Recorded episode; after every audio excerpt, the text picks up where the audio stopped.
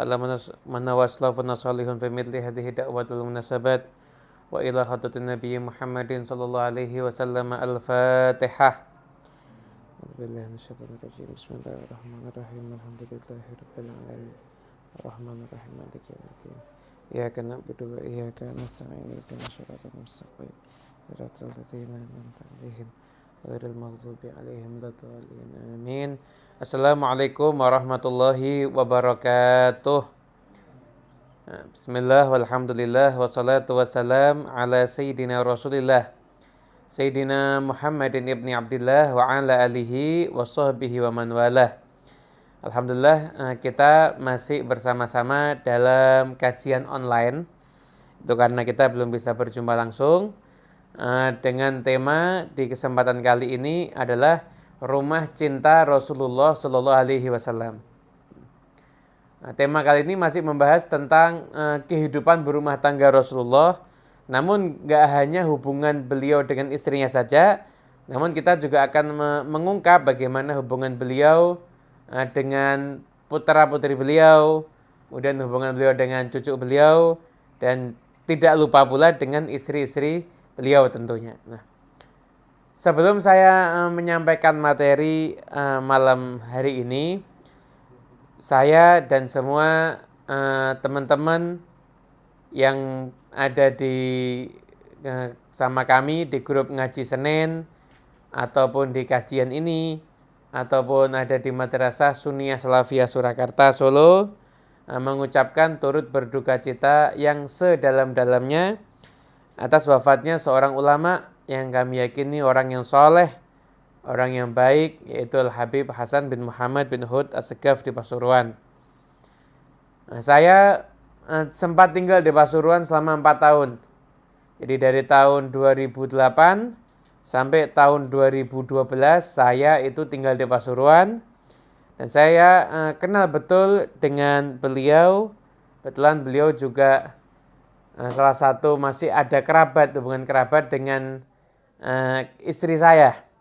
Jadi kakeknya istri saya. Dari sebelum saya menikah saya sudah kenal akrab sekali dengan beliau dan subhanallah uh, ketika uh, beliau wafat hingga sekian banyak orang yang merasakan kehilangan sangat wajar karena selama hidupnya beliau hampir-hampir nggak pernah uh, menyakiti hatinya orang lain. Habib Hasan itu orang yang luar biasa. Saya banyak belajar dari beliau banyak hal sekali. Kesederhanaannya, setelah itu keistiqomahannya. Datang majelis, beliau datang yang paling awal. Itu beliau sekalipun beliau itu punya anak seorang ulama besar Habib Abu Bakar yang ulama yang sangat masyur tentunya di Jawa Timur di Pasuruan menantu beliau juga Habib Taufik yang nggak diragukan lagi kemasyurannya itu beliau tetap hidup sederhana ke mana-mana naik sepeda menghadiri majelis baik majelis itu majelis yang ramai ataupun matis yang kecil beliau hadir. Kan beliau tuh kalau diundang nggak pilih-pilih itu. Mau yang ngundang orang kaya, yang ngundang orang miskin datang dan sama-sama semangatnya. Nah, coba kita kita ini nah, teman-teman saya nih ada di hadapan saya ini, utama yang belum nikah Ustadz Hamid, Ustadz Farel. Coba kalau diundang yang ngundang orang kaya datang itu seger mukanya ya. Coba yang ngundang orang miskin sudah, wah ini cuma arem-arem aja ini mungkin. Udah beda mungkin, tapi masya Allah keteladanan yang luar biasa dari Habib Hasan bin Muhammad bin Hud as Nah, semoga Allah menerima semua amal kebaikan beliau dan semoga ulama-ulama yang masih tersisa di antara kita semuanya Allah panjangkan usianya kesehatan wa afiyah dalam keadaan sehat wal afiat insyaallah amin ya rabbal alamin. Nah, kemudian sebelum saya masuk juga ada hal yang menarik ini. Kita kan mungkin sering dengar baiti jannati, rumahku surgaku. Itu kan populer tuh di Indonesia populer bahkan dianggap sebagai hadis. Bahkan saya pun juga sering kali menyampaikan saya anggap itu hadis. Jadi ungkapan baiti jannati rumahku surgaku. Nah, ternyata tadi setelah kita cek dan sebagainya, ternyata ungkapan baiti jannati rumahku surgaku itu bukan hadis. Jadi saya nggak mendapati dalam kitab-kitab hadis yang kita cek baik melalui aplikasi ataupun berbagai macam usaha pencarian yang kita lakukan tadi, nggak menutup kemungkinan ya di kitab yang lainnya, tapi saya udah mencari dari sekian banyak kitab hadis, Nah, ternyata tidak ada ungkapan dari Rasulullah Shallallahu Alaihi Wasallam yang beliau itu bersabda baiti jannati rumahku surgaku itu nggak ada. Jadi uh, mungkin yang selama ini kita menganggap itu hadis atau kadang-kadang termasuk penceramah seperti saya yang, yang sering menganggap menyampaikan Rasul Shallallahu Alaihi Wasallam bersabda baiti jannati maka perlu kita ralat. Saya pun juga sering menyampaikan itu jadi saya juga meralat nah, ceramah saya juga ini. Jadi ungkapan baiti jannati itu bukan hadis Nabi Muhammad Shallallahu Alaihi Wasallam. Begitu. Ya, makanya tapi kalau menjadikan rumah tangga seperti surga, ajaran Nabi, betul ajaran Nabi. Tapi lafat hadis baiti jannati hingga saat ini saya belum menemukan ada riwayat yang bersambung kepada Nabi Muhammad Sallallahu Alaihi Wasallam Nabi menyatakan baiti jannati rumahku surgaku. Nah, nah sekarang kita akan uh, mengkaji kehidupan rumah tangga Rasulullah Sallallahu Alaihi Wasallam. Rasulullah SAW itu sangat perhatian sekali terhadap urusan rumah tangga. Bahkan yang ingin saya angkat kalau sisi uh, kasih sayang Nabi dalam rumah tangga sudah sering kita bawakan ya berapa kali anda lihat kajian saya, uh, ada kajian saya tentang rumah tangga Rasulullah. Itu ada di bulan April kalau nggak salah. Ada juga kajian yang kemarin juga uh, rumah tangga Nabi juga kita bawakan juga. Nah sekarang ini kita mau uh, masuk ke rumah cinta Rasulullah SAW dari sisi uh, bagaimana Nabi Muhammad SAW mengatasi problematika yang ada di rumah tangga beliau. Kenapa? Karena cinta itu cinta itu apabila ada masalah-masalah terus maka cinta itu lama-lama bisa pudar, bisa sirna. Nah, sekarang ini bagaimana problem yang ada di rumah tangga Nabi? Jadi Nabi Muhammad SAW itu punya istri banyak. Itu bukan karena Nabi ingin bersenang-senang, enggak. Nabi itu waktunya habis untuk berjihad visabilillah, untuk berdakwah, untuk um, memberikan kemaslahatan bagi umat, dan luar biasa waktu Nabi itu nggak ada waktu untuk Nabi banyak bersenang-senang tuh nggak ada. Namun Nabi SAW itu menikah beberapa kali, bahkan lebih dari empat kali, sembilan kali. Nabi menikah bahkan lebih. Eh, sembilan itu istri Nabi yang ada ketika Nabi meninggal dunia. Nabi nikah lebih dari sembilan kali. Itu karena di antara eh, syariatnya dikarenakan adalah karena eh, Nabi Muhammad SAW ingin uh, kisah hidup beliau, rumah tangga beliau itu yang sifatnya internal itu yang meriwayatkan lebih banyak. Seandainya istri Nabi itu hanya satu, maka informasi kita tentang rumah tangga Nabi sangat terbatas. Tapi karena istri Nabi itu ada banyak, maka informasi yang kita dapat dari rumah tangga Nabi Muhammad SAW, maka itu uh, dapat banyak informasi kita. Di antaranya, problematika yang sering ada di rumah tangga itu adalah problematika cemburu. Nah, bagaimana Nabi Muhammad SAW mengatasi cemburunya istri-istri beliau. Itu. Nah, pernah suatu ketika uh, Siti Aisyah meriwayatkan suatu ketika Rasulullah SAW itu keluar dari rumahnya Siti Aisyah ketika malam hari. Berarti malam itu gilirannya Siti Aisyah. Nabi itu kan istrinya banyak. Jadi malam ini giliran istri yang ini, besok giliran istri yang ini, besok lagi giliran istri yang ini. Nah, Nabi SAW itu ketika ada di rumahnya Aisyah, di malam hari Nabi keluar. Maka ketika itu Siti Aisyah merasa cemburu. Nah, ketika eh, Siti Aisyah cemburu, gak lama satu Nabi Muhammad SAW datang. Dan Nabi bisa membaca ah, ini istrinya ada yang lain ini. Nanya, ya hai Aisyah, kamu cemburu ya?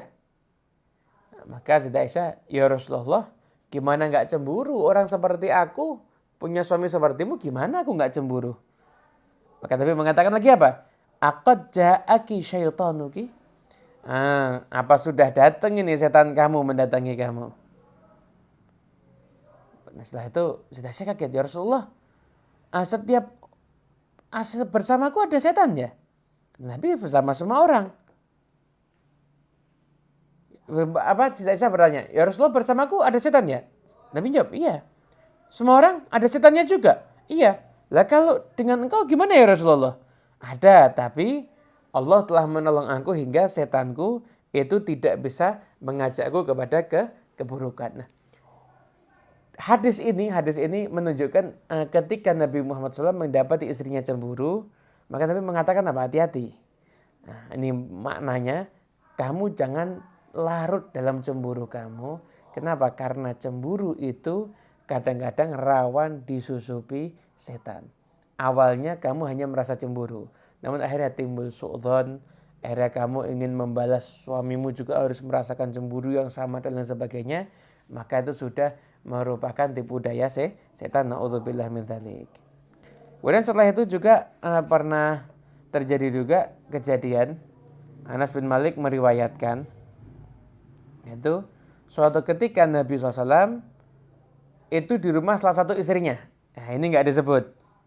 Uh, dalam hadis mungkin ada riwayat yang menyebutkan nama, tapi ada riwayat yang tanpa menyebutkan nama. Jadi saya ambil riwayat yang nggak pakai nyebutkan nama aja ini, yang sebagaimana yang tertulis ada di kitab ini.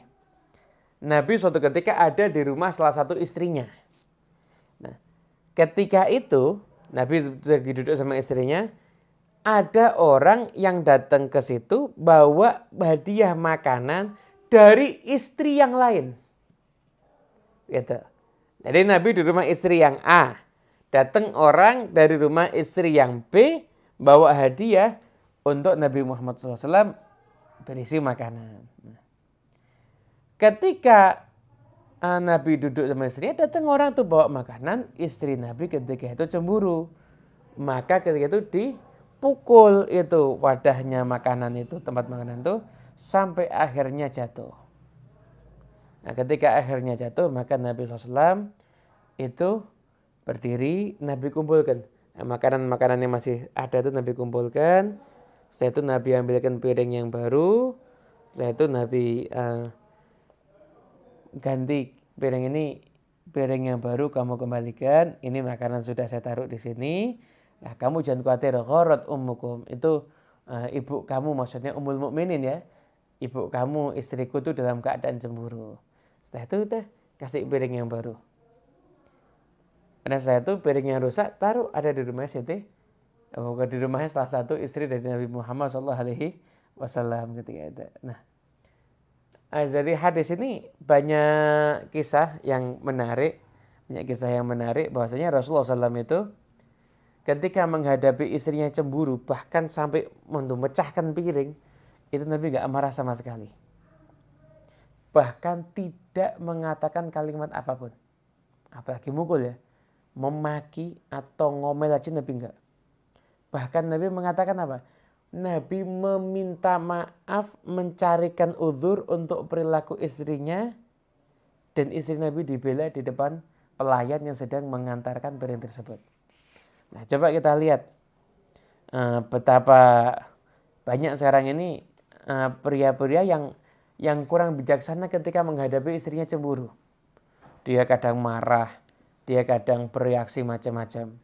Tapi kalau kita menyaksikan kehidupan Nabi Muhammad SAW, Nabi itu kalau ngadepin istrinya cemburu gimana? Yang Nabi lakukan adalah satu senyum. Riwayat yang lain kadang Nabi Muhammad SAW itu uh, negur tapi dengan sangat ha, halus.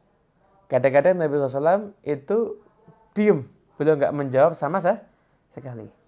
Nah, Ibn Hajar dalam kitab Fathul Bari, salah syarah Syekh Bukhari mengatakan seperti ini. Eh, perilaku Nabi ini mengandung isyarat bahwasanya ketika kita menghadapi pasangan yang sedang cemburu, maka cara yang paling tepat adalah kita tidak merespon apa pun juga daripada perilaku yang menunjukkan cemburunya itu. Diem, udah nggak usah kamu respon, nggak usah kamu komen. Kenapa? Karena ketika orang itu dalam keadaan cemburu, maka akalnya itu terhijab dengan kemarahan yang luar biasa. Hingga akhirnya nggak bisa mikir. Nah kalau dijawab tambah repot nanti. Ya, gimana? Diam, senyum, atau memang harus menjawab maka jawab dengan lemah lembut sebagaimana yang diajarkan oleh Rasulullah Shallallahu Alaihi Wasallam. Nah ini, ini membangun rumah cinta Rasulullah SAW itu dengan cara seperti itu. Kemudian juga kita perhatikan lagi permasalahan-permasalahan yang macam-macam nih terjadi dalam kehidupan Nabi Muhammad SAW. Bahkan di antara permasalahan yang berat yang terjadi dalam kehidupan Rasulullah SAW adalah hadithul ifki. Itu suatu ketika satu keadaan uh, istri Nabi tercinta Siti Aisyah itu maaf maaf sekali ya sebenarnya membahasakan ini nggak enak tapi karena ilmu ilmu juga harus disampaikan yaitu Siti Aisyah pernah dituduh selingkuh. Kalau saya ceritakan ceritanya panjang ini. Tapi yang jelas ada satu keadaan, suatu dalam keadaan itu Siti Aisyah itu dituduh selingkuh. Dan memang ada orang-orang munafik yang ada di Madinah ketika itu yang menghembuskan isu ini sampai akhirnya banyak orang yang akhirnya kasak kusuk. Ngomong ini jangan benar apa enggak ini benar apa enggak ini. Bahkan ketika itu Nabi Muhammad SAW enggak enggak ada Nabi SAW itu nuduh kamu begitu begini enggak. Bagaimana Nabi SAW itu uh, bermuamalah dengan muamalah yang sangat indah. Yang pertama Rasulullah SAW itu ketika mendengarkan itu Rasulullah enggak langsung menuduh tapi Nabi SAW itu anu ngecek nyelidiki ini Bahkan itu kan berlalu isu itu sampai satu bulan. Nabi nggak pernah Nabi SAW itu nuduh atau memfonis nggak, tapi Nabi SAW itu mempelajari kasus ini. Jadi bersikap sangat hati-hati. Setelah itu sebagaimana laki-laki cemburu, ya Nabi juga cemburu. Bahkan Nabi SAW itu ketika itu ya ada sikapnya berubah. Siti Aisyah pertama kali itu uh, ngelihat Nabi berubah karena ketika itu Rasulullah SAW eh, kelembutannya nggak seperti biasanya gitu. Biasanya saya tuh kalau ngeluh sesuatu Nabi itu sangat lembut. Ini kok lembutnya nggak kayak biasanya begitu. Nah, itu eh, Nabi SAW cemburu. Tapi Anda bisa bayangkan cemburunya Nabi itu Nabi masih bersikap lemah lembut walaupun tidak seperti biasa biasanya begitu. Kemudian setelah itu uh, kata Ibn Hajar katakan uh, berarti di sini ada pelajaran yang penting sebenarnya yaitu istri harus peka terhadap perubahan sikap daripada suami. Suami berubah sikap, tanyakan ada apa yang terjadi. Kalau memang istri salah ya minta maaf. Bahkan kalau memang istri nggak salah sekalipun, tapi kalau minta maafnya istri itu bisa menyelesaikan masalah, maka minta maaf itu akan jauh lebih lebih baik. Dan setelah itu Nabi Muhammad SAW kemudian uh, bersikap membela istrinya di hadapan halayak ramai Nabi mengatakan saya ma'alim tu ala ahli illa khairan Demi Allah, saya nggak mengetahui apa pun terhadap keluargaku kecuali hanya kebaik, kebaikan. Gitu. Itu jadi untuk meredam fitnah maka Nabi Islam itu membela is itu jadi kejadian yang luar biasa terjadi dalam kehidupan Rasulullah SAW. Ini kalau ini mau dibahas ya perlu satu kajian per full untuk membahas ini. Itu perlu satu kajian penuh untuk membahas untuk membahas ini. Kemudian juga uh, terjadi uh, jadi musibah, uh, muskilah yang terjadi ketika istri Nabi dituduh selingkuh, maka Nabi kesimpulannya Nabi menghadapinya dengan apa? Satu, mempelajari. Dua, membela istrinya. Tiga, memang menampakkan kecemburuan namun tidak berlebih-lebihan. Sampai akhirnya turunlah surat An-Nur itu, ayat surat An-Nur yang terjadi juga ini dalam kehidupan Rasulullah SAW. Ini juga peristiwa yang unik ini, peristiwa yang unik. Jadi ini hadis yang meriwayatkan Sayyidina Umar bin Khattab.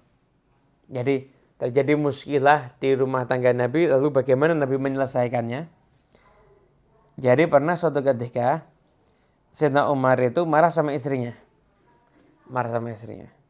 Kemudian istrinya jawab. Saya kaget, loh kamu berani jawab? Kata istrinya, kenapa tidak berani? Demi Allah istrinya Nabi itu juga kalau Nabi nasihatin juga mereka jawab kok. Saya tuh kaget Sayyidina Umar. Istri Nabi jawab. Hmm, berarti yang dimaksud Hafsah. Yang maksud, yaitu putrinya Sayyidina Umar bin Khattab. waduh jangan-jangan terjadi sesuatu ini. Langsung pergi Sayyidina Umar. Datang ke tempatnya Hafsah. Ketika itu dapat ada riwayat yang mengatakan Hafsah ketika itu sedang menangis. Hafsah sedang sedang menangis ketika itu. Sayyidina Umar nanya, kamu jawab ya sama Rasulullah? Rasulullah jawab, naam iya. Terus Rasulullah pergi ninggalkan istri-istri istri-istrinya sampai nanti malam. Iya benar. Nasihati sama Sayyidina Umar. Uh, sungguh rugi, nyesel, keliru orang yang berbuat seperti itu kepada Nabi. Kalian nggak takut tuh kalau sampai Allah itu marah kepada kalian karena marahnya Rasulullah SAW. Kalau itu terjadi udah hancur kalian. Jangan kamu pernah jawab Rasulullah. Jangan pernah minta apa pun juga pada Rasulullah. Jangan pernah nuntut apa pun kepada Nabi. Dan kamu jangan merasa cemburu kalau tetangga kamu, maksudnya Siti Aisyah, lebih dicintai oleh Rasulullah SAW dibandingkan kamu. Nggak usah. Kamu biasa aja. Ya udah. Afsal dengarkan nasihatnya Sayyidina Umar bin Khattab. Ini menjadi satu dalil bahwasanya uh, orang tua ketika menyaksikan uh, rumah tangga anaknya terjadi sesuatu yang kurang baik, maka boleh. Jadi gini, Sayyidina Umar itu sehari itu kerja sehari nemenin Nabi. Nanti waktu Sayyidina Umar kerja, sahabat Ansar yang nemenin Nabi ini malam ketemu sama Sayyidina Umar. Tadi Nabi Muhammad SAW cerita begini-begini. Sayyidina Umar yang kerja, uangnya dibagi dua. Tidak bisa bayangkan nih. Jadi cari ilmu gantian. Coba ini ada tidak karyawan zaman sekarang mau rela kerjanya sehari masuk sehari enggak demi untuk cari ilmu? Susah ya. Sina Umar itu sebenarnya Umar bin Khattab manusia terafdol nomor dua setelah Sina Abu Bakar Siddiq di antara umat Nabi Muhammad Wasallam. Sehari Sina Umar kerja, uangnya bagi dua, sehari nanti belajar, nanti ilmunya juga dibagi dua begitu. Lah, Sina Umar masih di rumahnya, Ketika itu waktu Isya. Waktu Isya. Ngatuk pintunya tetangganya. Kenapa? Kenapa? Apa ada musuh itu? Enggak. Ini lebih besar ini kabarnya. Apa? Kabarnya ini Nabi Muhammad mentalak istri-istrinya semuanya. Kaget. Ya Allah, Hafsah. Ya Allah, nyesel nih Hafsah nih. Kalau sampai ditalak sama Nabi. Sampai akhirnya tunggu subuh. Udah malam itu kan, waktu Isya udah malam. Datang Hafsah, Hafsah nangis. Umar nanya, Rasulullah mentala kamu ya? Mana tahu, poin Nabi ini menyendiri nih di satu tempat. Nah, tempat menyendiri Nabi itu dijaga sama satu satu anak gitu. Nabi menyendiri sana, Sayyidina Umar datang. Uh, coba kamu minta izin sama Nabi. Umar mau ketemu boleh enggak? Ketika itu masuk, setelah itu keluar lagi. Saya sudah menyampaikan Umar mau masuk, Nabi cuma diem. Ya udah. Waktu itu Umar jalan sampai ke dekat mimbar, Sayyidina Umar lihat mimbar dekat-dekat masjid tempatnya itu ada yang nangis, ada orang nangis. Setelah itu Sayyidina Umar ya udah sedih gitu. Datangi lagi. Coba kamu minta izin lagi masuk lagi setelah itu saya sudah nyampaikan tapi Nabi cuma diem aja. Artinya apa? Kita kalau membuat tamu juga harus peduli. Kadang-kadang tuan rumah tuh lagi nggak pengen terima tamu. Orang sekarang ini seenaknya sendiri kadang-kadang. Nggak mungkin kurang paham. Anda kalau mau bertamu kepada siapa pun juga apalagi kalau orang itu ulama yang punya kesibukan anda atur janji dulu kapan ada di rumah.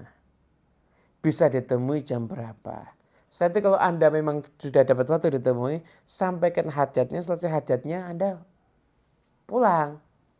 Jangan datang ke rumahnya ulama, selesai hajatnya masih diem. Akhirnya Anda bingung mau ngomong apa, ulamanya juga bingung mau ngajak ngomong apa. Ini akhirnya tamu yang membuat capek ini akhirnya. Datang selesai hajatnya pulang. Cukup. Nabi SAW ketika belum mau nerima ya tapi diem. Akhirnya Umar ya udah. Nunggu bentar, saya Umar jalan mau balik ternyata anak udah di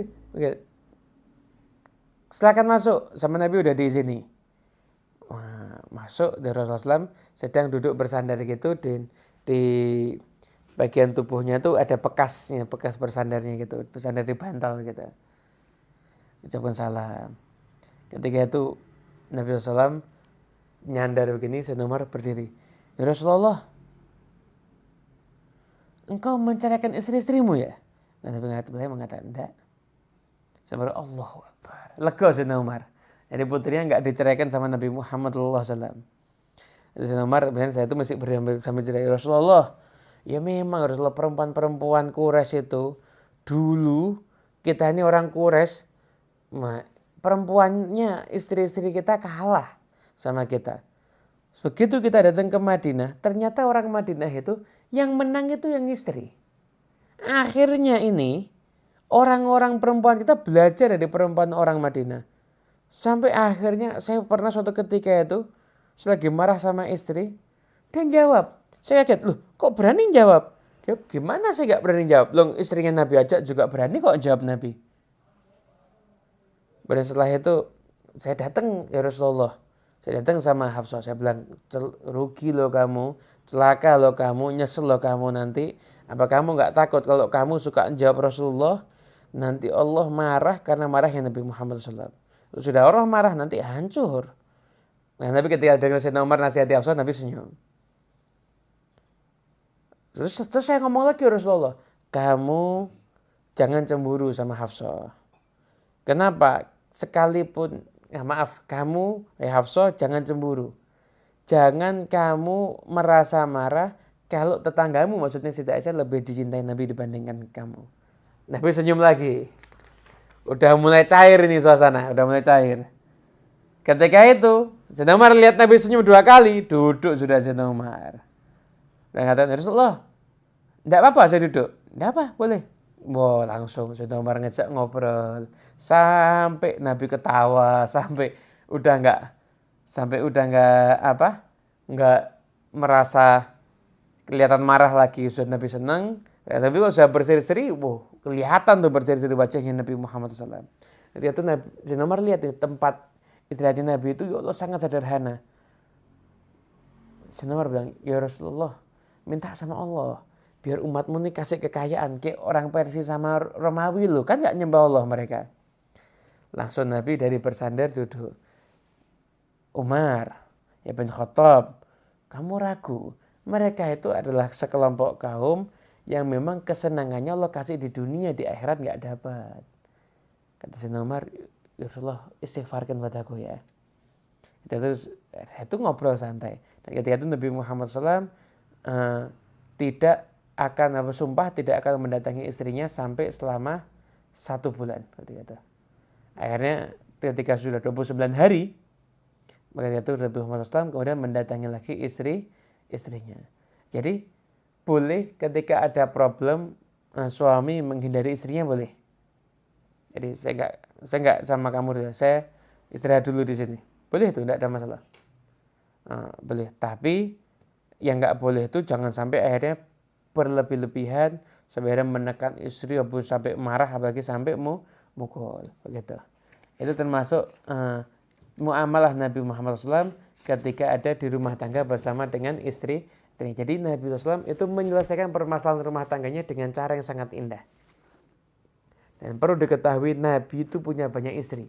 Dan berarti seleranya beda-beda, keinginannya beda-beda, maunya juga berbeda beda, tapi semua problem rumah, problematika rumah tangga bisa diselesaikan dengan cantik oleh Nabi Muhammad SAW. Kesimpulannya apa? Problem rumah tangga pasti ada. Maka mari kita bangun rumah cinta kita dengan menyelesaikan problem dengan cara Nabi Muhammad. Caranya gimana? Kalau lagi cemburu, itu lagi marah, diam. Kalau kamu harus menyampaikan sesuatu, sampaikan dengan lemah lembut. Dan kalau kamu itu memang harus menghukum istri kamu, maka boleh dihukum dengan dijauhi sementara ya. Saya nggak ketemu sama kamu dulu, istirahat dulu. Boleh. Itu sudah hukuman yang luar biasa bagi istri dari suami, dari suaminya. Gitu. Kemudian bagaimana Nabi SAW eh, dengan keluarganya? Banyak sekali kisah yang menunjukkan kasih sayangnya Nabi Muhammad SAW dengan dengan keluarganya.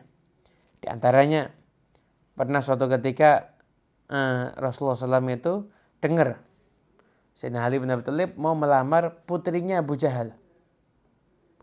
Ketika Nabi dengar, maka ketika itu Nabi paham perasaan putrinya dan Nabi itu membela dan mengatakan jangan sampai ganggu Fatimah intinya ya, terjemahnya aukamakal jangan sampai ganggu Fatimah. Fatimah itu bagian dari aku. Yang menyakitinya berarti menyakiti aku juga menyakiti Fatimah seperti menyakiti menyakiti, menyakiti aku juga. Kemudian setelah itu juga pernah suatu ketika Rasulullah SAW itu uh, ketika Siti Fatimah ngeluh, jadi tangannya itu kasar karena pekerjaan rumah tangga, maka ketika tasbih 33, Alhamdulillah 33, maka itu lebih baik dibandingkan seorang pem, pembantu. Ada menyatakan kenapa? Karena ketika itu Nabi Muhammad SAW lebih mementingkan umatnya ashabu sufa yang miskin-miskin dibandingkan keluarganya sendiri ketika itu begitu kondisinya. Tapi ngajak keluarganya untuk ber, bersabar. Jadi yang kedua, apa gunanya zikir-zikir tadi? Zikir-zikir tadi ada sebagian ulama yang menyatakan zikir itu kalau dibaca ketika akan tidur maka bisa menjadi doping yang menguatkan istri dan menguatkan suami untuk mengurus daripada urusan rumah rumah tangga. Kemudian setelah itu juga uh, muamalah Nabi Muhammad SAW dengan dengan keluarganya, yaitu Nabi Muhammad SAW itu sering uh, membangunkan keluarganya untuk sholat malam, untuk qiyamul sering bangunkan Siti Fatimah, bangunkan Sayyidina Ali bin Abi Thalib begitu. Bangun bangunkan itu pelan. Mengajak keluarganya untuk Qiyamul Lail gitu. Dan setelah itu juga banyak sekali riwayat bagaimana Nabi Muhammad SAW itu um, sering kali tiba-tiba ngasih hadiah kepada istrinya, kepada anaknya, putrinya dan dan lain sebagainya. Kemudian uh, muamalah Nabi dengan cucunya itu luar biasa. Nabi itu sangat mencintai cucu itu luar biasa. Bahkan kadang-kadang ketika Nabi Muhammad SAW sholat, maka cucunya itu naik di atas punggungnya. Dan Nabi ketika itu ya nunggu. Nabi ketika itu ya, ya nunggu. Nunggu sampai udah eh, nggak uh, ada punggungnya lagi, baru ketika itu Nabi kemudian duduk terus begitu. Bahkan pernah suatu ketika Nabi SAW itu sedang menggendong Sayyidina Hussein ketika di pangkuan Nabi tiba-tiba buang air. Nah, ketika Nabi nggak marah. Oh ya ganti pakaian yang ini akan saya cuci. Bahkan pernah suatu ketika uh, Sayyidina Hasan atau Sayyidina Husain satu juga riwayat yang lain ini di, di, di kejadian yang lain yang yang tadi di pangkuan Nabi kemudian ngompol yang ini di dadanya Nabi ngompol di dadanya Nabi ngompol di dadanya Nabi Nah, ketika itu begitu lihat anak ini ngompol, langsung ketika itu sudah mau siap-siap, sudah mau siap-siap orang-orang mau ngambil. Eh, biarkan, biarkan, biarkan anakku. Jangan kalian kagetin, biarkan dia menyelesaikan buang hajatnya ini. Dibiarkan, selesai. Ganti pakaian Nabi Muhammad SAW.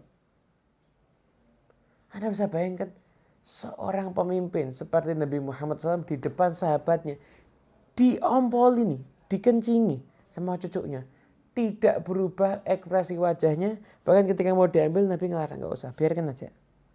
Bisa bayangkan betapa rahmatnya Nabi Muhammad SAW oh, kita kadang-kadang masya Allah baru anaknya berbuat kecil aja mungkin apa tangan kita kotor dikit aja udah marah kita. Nah, lihat nih contoh nih Nabi Muhammad SAW bahkan Nabi itu sering mendoakan uh, kedua cucunya dengan doa uidzukuma bikalimatillahi tamah min kulli syaitanin wahama wa min kulli ainin lama. Aku mintakan perlindungan kalian dengan aku memintakan perlindungan untuk kalian dengan kalimat Allah yang sempurna. Yang dimaksud adalah Al-Quran. Kemudian saya itu dari semua godaan setan wahama hama itu sesuatu yang beracun atau hewan-hewan yang berbahaya wa min kulli ainin lama dan daripada pandangan mata yang jah yang jahat itu itu adalah uh, sekilas daripada kehidupan Nabi Muhammad SAW. Bahkan ketika suatu ketika ada seorang yang menyaksikan Nabi SAW menciumi cucunya dengan penuh cinta, maka orang tersebut ketika itu uh, merasa heran. Ya Rasulullah saya punya sekian banyak cucu, tapi nggak ada yang pernah saya cium. Maka ketika itu Nabi mengatakan, Man layarham layurham. Yang nggak mencintai, nggak menyayangi, maka tidak akan di, disayangi. Ini adalah rumah cinta Rasulullah SAW. Nah, banyak ulama yang mengajarkan di antara cara agar rumah tangga itu harmonis, maka rumah tangga itu harus dijadikan berkah. Caranya biar rumah tangga itu berkah gimana di antaranya? Kalau bisa rumah kita itu dipakai untuk ibadah. Sekarang ini banyak orang bangun rumah tapi nggak mikir musolanya tempat sholatnya di mana. Ini penting untuk dipikirkan ini. Ini penting untuk di, dipikirkan. Kalau kita bangun rumah penting tempat ibadahnya di mana, begitulah. Nah, rumah itu kalau dipakai untuk ibadah jadinya berkah. Rumah tuh kalau dipakai untuk di situ dihidupkan sunnahnya Nabi Muhammad, maka rumah itu jadinya ber, berkah. Anda kan kepengen rumah Anda berkah. Hidupkan sunnah Nabi Muhammad, pakai rumah Anda untuk ibadah. Nabi itu menyatakan kalau orang itu sholat wajib, ya paling bagus di masjid. Apalagi laki-laki. Tapi kalau Anda mengerjakan sholat sunnah, maka yang paling bagus adalah di rumah. Kenapa? Satu, agar Anda nggak riak. Kan sholat sunnah kan di masjid, agar Anda nggak riak ketika Anda sholat sunnah di masjid. Yang kedua, agar rumah Anda mendapatkan keberkahan daripada amal sholat yang Anda lakukan. Di rumah tangga, rumah tangga itu diperjadikan berkah jangan kayak kuburan. Ada yang baca Al-Quran, ada yang baca uh, mungkin zikir dan lain sebagainya begitu. Ada yang baca mungkin ratib al-hadad dan lain sebagainya. Amalkan itu. Kemudian setelah itu juga agar rumah tangga itu jadi berkah adalah dengan uh, sering membaca laqad ja'akum rasulun min anfusikum. Ayat itu kalau dibaca ketika akan masuk rumah atau ketika akan masuk ke kamar, maka insya Allah dijadikan rumah tangganya akan har harmonis. Nah itu adalah uh, sekilas daripada kajian kita di uh, malam hari ini. Semoga insya Allah kita semua mendapatkan keberkahan, zahiran wa batinan. Amin ya rabbal alamin. Uh, putrinya Mas Juan saat ini sedang sakit, jadi Mas Juan adminnya di Senin nggak bisa mendampingi kita. Makanya kita juga nggak ada tanya jawab dulu lah. Untuk ini nggak ada tanya jawab dulu. Nah, kita sambung lagi di Senin yang akan datang. Kita masih akan tentang membahas tentang Rasulullah SAW. Uh, teman-teman semuanya, uh, para pemirsa di mana pun Anda berada, mari kita kembali ke Nabi Muhammad SAW. Mari kita usaha untuk semakin kenal Nabi, semakin cinta Nabi, semakin meneladani Nabi Muhammad. Zaman fitnah sudah terjadi fitnah ada di mana-mana dan keselamatan kita adalah ketika kita berada di jalannya Nabi Muhammad SAW. Mudah-mudahan kita jadi orang yang selamat terus insya Allah. Amin ya rabbal alamin. Al-Fatihah bil qabul wal iqbal wa salal ahwal. An laftah alaina wa alaikum futuhal arifin. Wafakihna wa iyakum fitin wa alimna wa iyakum mata'wil wa dina wa ikum la sawa isabil. Rabbana atina fid dunya hasanah wa fil akhirati hasanah wa qina adzabannar. Wa sallallahu